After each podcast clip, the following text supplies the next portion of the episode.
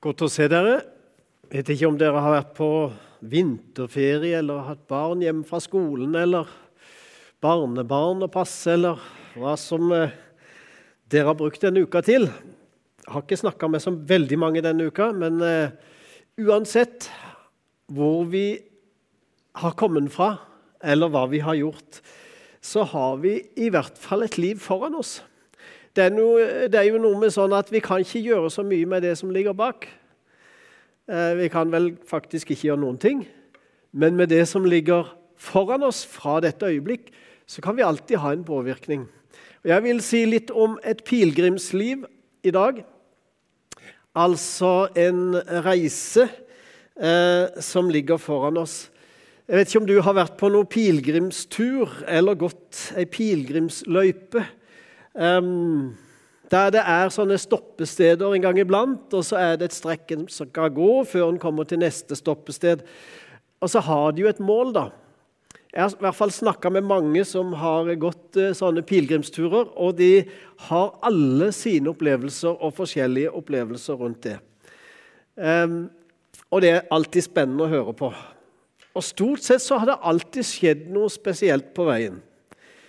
Eh, og på veien er vel det som eh, betegner et pilegrimsliv. Vi er på vei til et sted. Men det handler altså om forskjellen eller vekslingen mellom hvile og vandring. Hvile og bevegelse. Og Sånn er jo livet generelt for oss mennesker. Det er sånn vi er skapt. Vi trenger hvile, og vi trenger bevegelse. Eh, hvis vi bare hviler, så stivner vi til. Og musklene slutter å utvikle seg. De krymper til og med. Jeg vet ikke om du har hatt en lang sykdomsperiode en gang. Eh, forhåpentligvis ikke, men mange har den opplevelsen. Og kommer en liksom ut av senga for første gang på lenge da, så kjenner en at oi, det var tungt.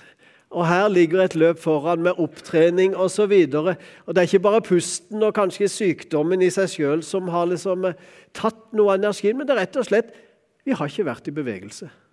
Og det er noe med fysiologien vår som gjør da at det trengs å øves opp igjen, og vi må komme i gang. Og vi må øve det som vi er egentlig skapt som, opp igjen til å bli en type normalitet. da. Så bare hvile det har vi aldri vært skapt til. Og det er vi ikke lagd for som mennesker. Men vi er heller ikke lagd for bare bevegelse. Jeg ser jo på VM for tida, da. Eh, jeg er sånn vintersportsmenneske, altså interessert. Og Så prøver jeg å gå litt tur sjøl, men, men, eh, det har ikke mye med sammenhengen å gjøre. Men jeg syns det er jo fantastisk. De som kan gå til det ytterligere ytterste og ta ut alt som de har øvd på og de har trent for, og så skal det komme ut i en, i en kort periode. Jeg må jo si det eh, Ikke det at jeg misunner de, for jeg skjønner det er et voldsom trening og voldsom liv bak det der, der som er unormalt, og de må holde seg borte fra familie. og Nå for tida så er de isolert, og de er redd for sykdom. Jeg vet ikke hva. Så det må ligge noe voldsom eh, innsats bak det. Det skjønner jeg jo.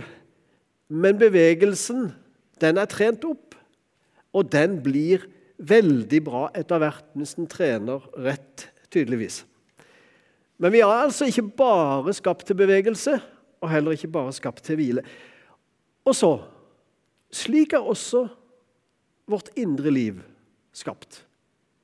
Vi er ikke skapt bare til å stå stille og liksom bare har funnet Jesus, har funnet liv i Gud, og så står vi der i startgropa på en måte og ikke kommer videre. Det vil si videre fra Jesus. Det skal vi aldri komme. Men vi er gitt et liv å leve. Og det vil jeg si litt om i dag. Vi har altså et hvilested i Kristus, men vi har også en bevegelse for Kristus. Og Disse to tingene henger så viktig sammen. Slik er vi skapt, og slik eh, må vi leve for å leve ut det vi er skapt, det vi er eh, holdt på å si, gitt av potensial i livet. Paulus eh, skriver jo til en menighet der han sier må dere fortsatt bare ha melk. Det vil si som små barn, da. Tåler dere ikke noe annet fortsatt? De var liksom bare i startgropa. De hadde sagt ja til Jesus.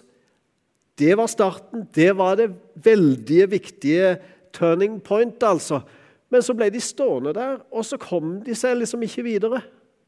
Og de måtte ha de samme enkle fortellingene om igjen og om igjen og om igjen. Og om igjen, og de kom liksom ingen sted i kristenlivet. Og Så sier Paul det tåler jo ikke liksom eh, god kost. Tåler ikke grovt brød. Eh, det tåler fortsatt bare melk. Altså, De var kommet til et hvilested, men de hadde på en måte ikke kommet i bevegelse. Men hvilested er viktig. Jeg skal si litt om det først. Det er kjempeviktig. La oss ta et skriftsted om det. Jeg er korsfestet med Kristus, jeg lever ikke lenger selv, men Kristus lever i meg. Det livet jeg nå lever som menneske av kjøtt og blod, det lever jeg i troen på Guds sønn, som elsket meg og ga seg selv for meg. Det er mitt ståsted, altså. Der kan jeg stå støtt. Eh, jeg hørte i sangen 'Han er alt for meg'. Ja, der kan jeg stå. Det er en tilstand, det er et ståsted der troens dør åpner seg for oss. Eller der troen åpner døra for oss inn til dette livet i Kristus. Vi må ha et eh, godt eh, ord fra Det gamle testamentet òg. Det er jo et fantastisk ord. Han lar meg ligge i grønne enger, han leder meg til vann der jeg finner hvile. Salme 23. Hold på å si eh, Jeg vet ikke om du har vært på spahotell. Kan ikke si jeg har vært mye på det, men allikevel det er, liksom, det er noe av Bibelens spa-opplevelse, altså. Han lar meg ligge i grønne enger, han leder meg til vann der jeg finner hvile. Er det et luksusliv? Nei, sier Bibelen. Det er en helt nødvendighet. Det er et nødvendig liv, det å bli leda til hvile. Det å få lov til å ligge i grønne enger og bli tatt hånd om av Gud, det er et helt nødvendig liv. Det er ikke luksus. Det er ikke sånn at 'Å, nå kan jeg slappe av og jeg har litt dårlig samvittighet, for egentlig så skulle jeg' Nei. Det skal vi kunne, og kanskje ordet er feil, nyte, men eh, det skal vi kunne være i med glede og med takk. Slippe alle de derre burdene i livet. Jeg har sagt det før, og jeg sier det igjen. Burde som norsk ord skulle aldri vært oppfunnet. Det har skapt dårligst samvittighet i menneskers liv i århundrer. Det burde aldri vært brukt. Hørte dere at dere burde? så burde burde aldri vært brukt. Men det ligger så i språket vårt og i beinmargen vår altså, at vi stadig burde noe. Og dermed så trekker det oss fram som en slags slavepisk over livet. Ikke bra. Jeg hørte en psykiater her om dagen som snakka om eh, holdt på å si, godt stress og farlig stress. Og Så sier han hadde jeg vært sjef i dette landet, så har jeg forandra språket vårt og burde hadde vært strykt over med en rød strek. Jeg har så mange mennesker til behandling som er slave under alle burdene. Han lar meg ligge i grønne enger, han leder meg til vann der jeg finner hvile. Nydelig! Les det om igjen. Lev der, vær der. Du og jeg er avhengig av å finne det stedet der vi hviler oss, i tro på at Jesus har gjort alt for oss, der det er nåden som gjelder, altså. Der må vi være. Jeg tar et skriftsted til. Loven spør ikke etter tro, men sier 'den som lever etter budene, skal ha liv i den'. Men Kristus kjøpte oss fri fra lovens forbannelse da han kom under forbannelse for vår skyld. Kjøpte oss fri fra alle pekefingrene. Så det er godt å hvile. Jeg har en uh, egen stol i stua der jeg setter meg om morgenen hvis jeg ikke plutselig må fort av gårde til noe annet. Ehm, det er mitt hvilested, et sånt startsted med et, eh, noen gode ord. Eh, frikjøpt fra alt som må gjøres, og det må helst gjøres nå, eller det skulle helst vært gjort i går. Vi trenger å kjenne på tryggheten i Kristus. Vi trenger å kjenne at Gud elsker meg akkurat der jeg er nå. Ikke noe mer enn det. Kjenner du på det? Av og til når jeg samtaler med folk, så sier jeg 'sett beina i bakken der du sitter'. Hold jordkontakten, og kjenn på kroppen din, og kjenn at Gud elsker deg nå. Akkurat der du er. Akkurat slik du er. Akkurat nå. Pust inn og pust ut i Guds nærhet. Hvil. Det har han gitt deg. Du er Guds barn. Han er din far, og han elsker deg. Hvile i Kristus. Og så har vi altså en vandring. Og Det er ikke en motsetning til hvile i den forstand. Det er en nødvendighet av veksling. Det er en reise. Jeg har vært på mange reiser i livet. Jeg vet ikke hvor mange flyplasser jeg sitter og venter på fly på. altså, men eh, eller, eh, og det er ikke alltid eh, det er så trygt å reise og godt å reise osv. Det er slitsomt å reise av og til, men i livet er det nødvendig å reise. Um, og Da snakker jeg ikke om fysiske reiser nødvendigvis, men vi er på vandring mot et mål. da. Vi er jo i det. Vi lever et liv. Uh, vi kan bare uh, kikke oss i speilet, så ser vi at åra går, og vi blir eldre eh, osv. Og, og vi kjenner at ja, tida går, og det gjør noe med oss, og vi er på vandring et sted. Og Jesus inviterer oss faktisk å bli med på en reise der Den hellige ånd er guiden i livet vårt. Eh, veilederen i livet vårt, veiviseren.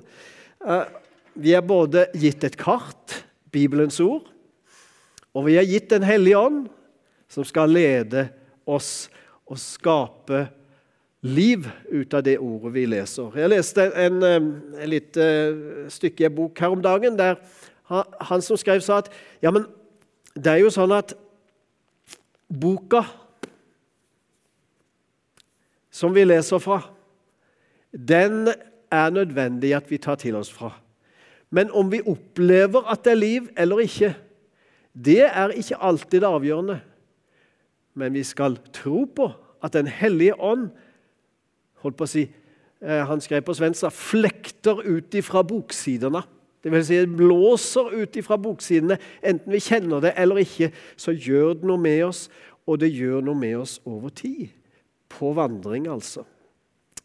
Kart og kompass på plass, så vi ikke skal gå oss vill.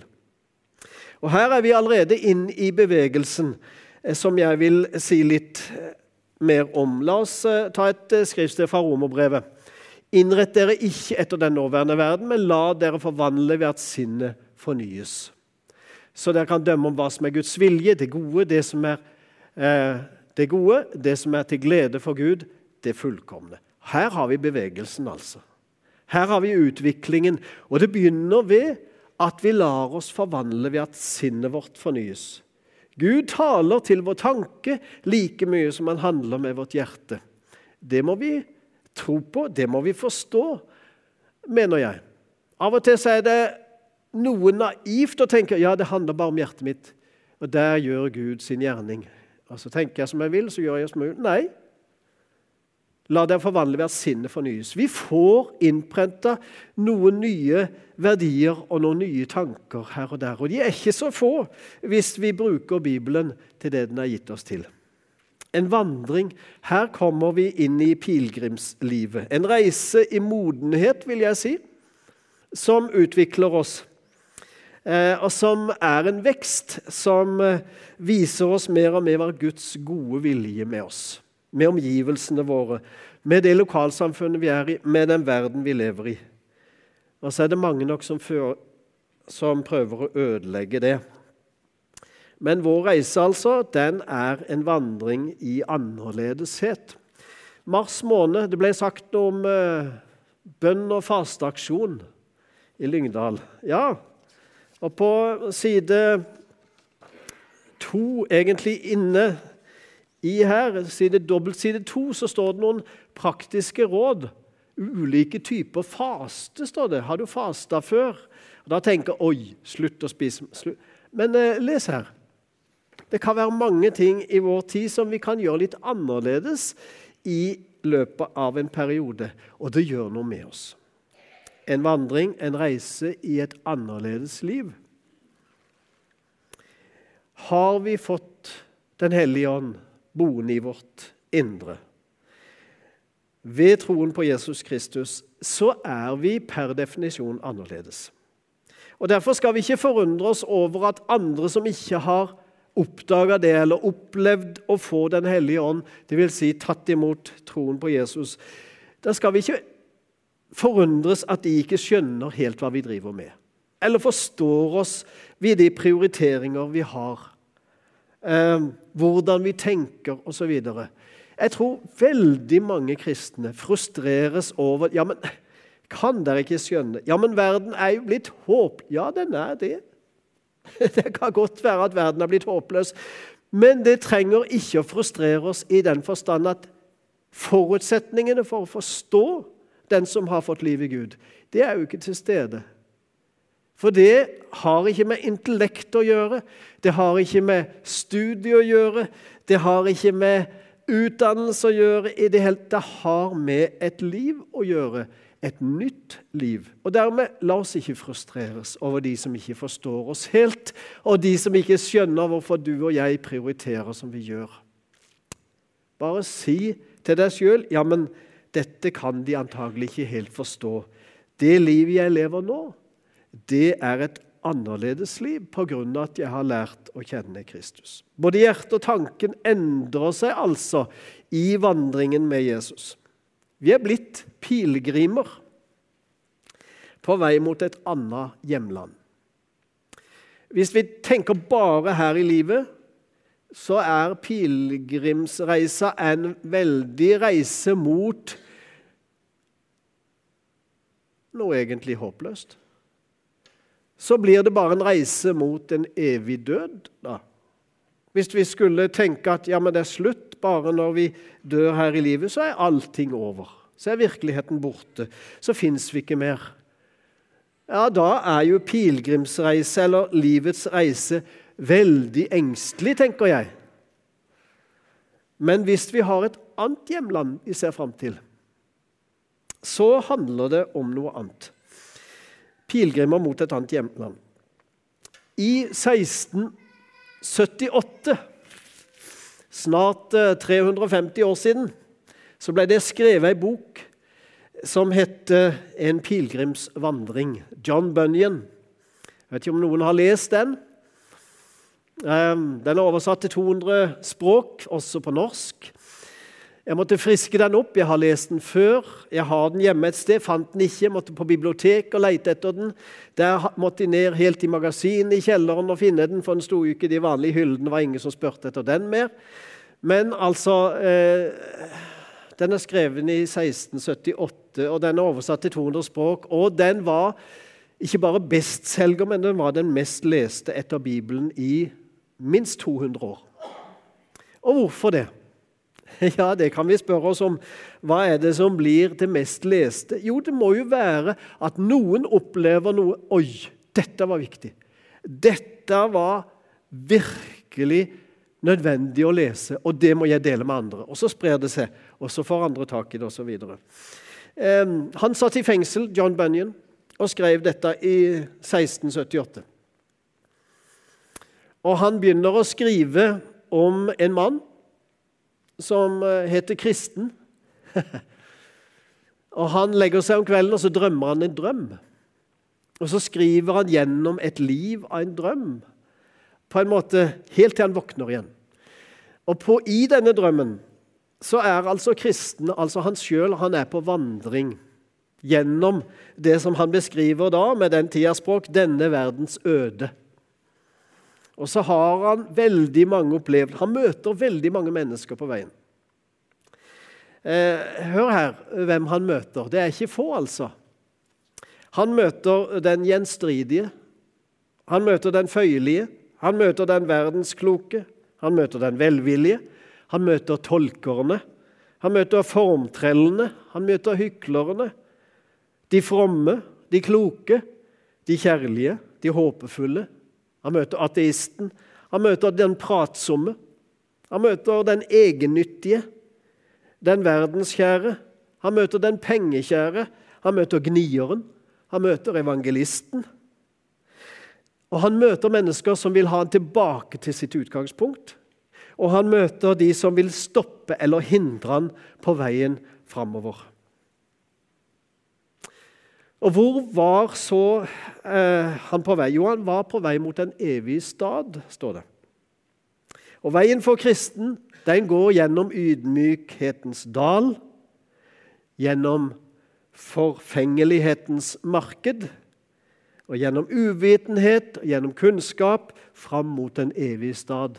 Helt til han når fram, og så våkner kristen. Etter en lang drøm. Og Slik er denne John Bunyans bok skreven. Og Det er en forunderlig reise. Det er med et heftig språk.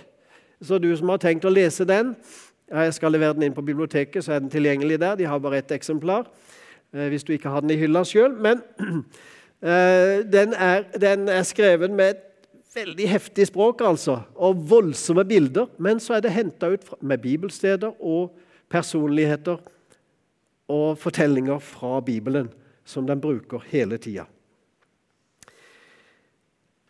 Ja, det er noe realistisk over det John Bunyan skriver om. For slik møter vi alle sammen livet i en eller annen form. Alle de jeg nevnte her, de møter vi på veien i livet, før eller senere. Og Den som sier at den ikke har møtt noe av dette, her, snakker ikke sant. altså. Og Da tenker jeg ikke at jeg møter ikke bare sånn rundt omkring oss. Nei, vi møter det i eget liv. Vi møter Oi, nå hadde gnieren tatt litt eh, mye bolig i meg, altså. Nå eh, var den pengekjære begynt å ta over i livet. Her må jeg være litt på vakt. Altså Vi møter disse holdt på å si, personlighetene eller påvirkningskreftene i oss og rundt oss gjennom hele livet. Så jeg tror John Bunyan hadde veldig mye rett i det han skrev om. Og dette gjorde at det ble bestselgeren og den mest leste bok etter Bibelen i flere hundre år. Vandringen og endringen skjer litt etter litt i livet. Det er jo ikke sånn at uh, vi kan alt plutselig, eller vi har forstått alt, eller har, plutselig så er vi fullmodne og har liksom all Nei da, det tar tid. Alt tar tid i vandringen også med Jesus. Og vi skal ikke stresse rundt det heller. Litt etter litt sier eh, Paulus at det endrer seg. Og vi som uten slør for ansiktet ser Herrens herlighet som i et speil, vi blir alle forvandla til dette bildet. Altså litt etter litt. Fra herlighet og til herlighet. Og dette skjer ved Herrens ånd. Så det tar tid. Det tar tid. Det tar tid å modnes som en kristen. Det tar tid å utvikles osv. Vi skal ikke bli, gi, gi opp på veien. Det vil si, den som lever alene med sin tro, har mye større står i mye større fare for å gi opp. Det er få eller ingen som greier seg alene som kristen gjennom et helt liv. Hva gjorde Gud med det, og hva gjorde Jesus med det? Jo, han gjorde akkurat dette her. Her sitter vi en menighet. Han skapte menigheten for at vi ikke skulle gå tom, for at vi ikke skulle bli mismodige, for at vi ikke skulle gi opp, for at vi skulle forstå at oi, andre kjemper jo med det samme. Kanskje det er verdt å snakke sammen om det. Snakk, be sammen om det. Hjelpe hverandre hvis vi er litt på forskjellig ståsted. Den ene har litt mer krefter enn den andre på det området osv. Og den har opplevd det. Det må jeg høre åssen var, for nå er jeg begynt inn i samme fasen. Oi, den hadde mista en kjær som sto ganske nærme. Og nå er jeg i ferd med å gjøre det. Hvordan oppleves det? Kanskje jeg kan hente noen råd og vink og hjelp. Slik er vi som mennesker, som fellesskap, og slik er vi som menighet. Vi trenger hverandre. Og Når Paulus sier at vi forvandles litt etter litt, så gjør vi det i et fellesskap, der vi også bryner oss på hverandre. Det sies at et ekteskap det er jo, det er jo sånn et, et sånn slipeverksted. Der vi sliper av de skarpe kantene. Ikke det at vi blir helt runde til slutt. Håper ikke det, da. Vi må ikke miste personligheten vår. Men vi ligner hverandre på forskjellig Det vil si at vi har lært å akseptere hverandre, og vi forstår hverandre mer og mer og mer. Og Vi reagerer kanskje ikke så mye mer på det ene og den andre egen, eh, egenheten hos oss, eh, forhåpentligvis.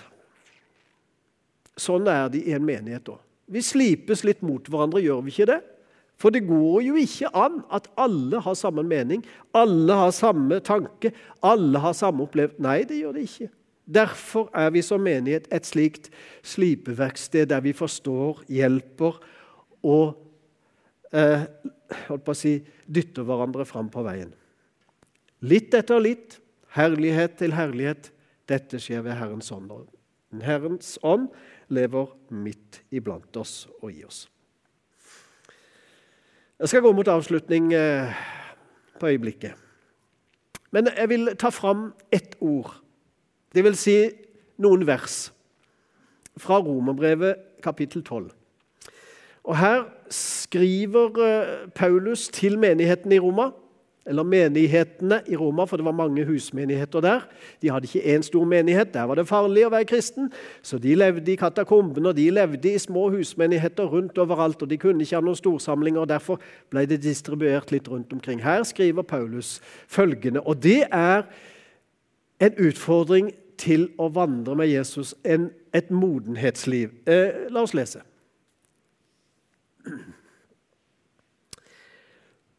Velsign dem som forfølger dere. Velsign og forbann ikke. Oi, her er utviklingspotensial. Gled dere med de glade, og gråt med de, de som gråter. Hold sammen i enighet.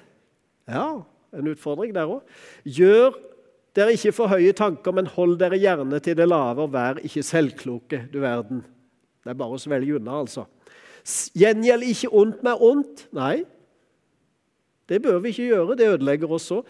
Ha tanke for, de som, for det som er godt for alle mennesker. Ikke bare for de kristne, altså. For alle mennesker. Oi! Hold fred med hverandre om det er mulig, så langt det står til dere. Ja, det står ikke alltid til oss, men så langt det står som oss. Vi fortsetter. Ta ikke hevn, mine kjære, men overlat vreden til Gud. For det står skrevet 'Hevnen hører meg til, jeg skal gjengjelde', sier Herren. Men er din fiende sulten, så gi han mat. Er han tørst, så gi han å drikke. Gjør du det, samler du glødende kull på hans hode. La ikke det onde overvinne dere, men overvinn det onde med det gode. Her er det mange ting å utvikle seg på. Og Paulus skriver til romerne pga. at han så at de måtte ha mer enn melk snart. Nå måtte de spise rikelig kost og komme inn i en sunn bevegelse et pilegrimsliv som det var en bevegelse i. Vi kan bli blenda av mye underveis i livet, altså. Det står til og med et sted at djevelen kan eh, skape seg om til en lysets engel. Står ikke det? Men det er bare tilsynelatende en ytre visjon eller noe som ser ut som. For djevelen kan aldri skape om sitt indre. Der er han ond tvers igjennom. Men vi Hvordan endres vi fra det ytre til det indre? Nei, akkurat motsatt. Fra det indre til det ytre. Det vil si, vi har fått en ny ånd innvendig. Der har forandringen skjedd. Og så skal det vises litt etter litt. Det vil si at vi går i en utvikling i noe av det som Paulus skrev om her. Vi lever i et allerede i Kristus hvilested og et enda ikke et liv å leve og vandre i. Din og min pilegrimsreise. Og her trenger vi Den hellige ånd, og her trenger vi hverandre. Vi trenger å be. Av og til trenger vi å faste, kanskje. Nå ber vi.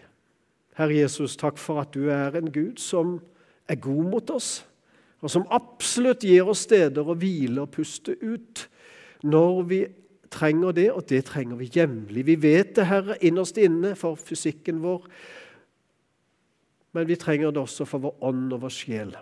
Herre Jesus, hjelp oss å la oss puste ut i din nærhet. Du er den vi har og lever i, Herre.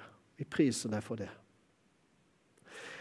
Og så er det ikke et eh, stoppested i denne verden. Vi skal videre, Herre Jesus. En vandring der du går foran oss og har tråkka opp løypa foran oss. Du har gitt oss Den hellige ånd til å hjelpe oss og holde oss på sporet. Herre, hjelp oss i vår pilegrimsvandring og i vårt pilegrimsliv.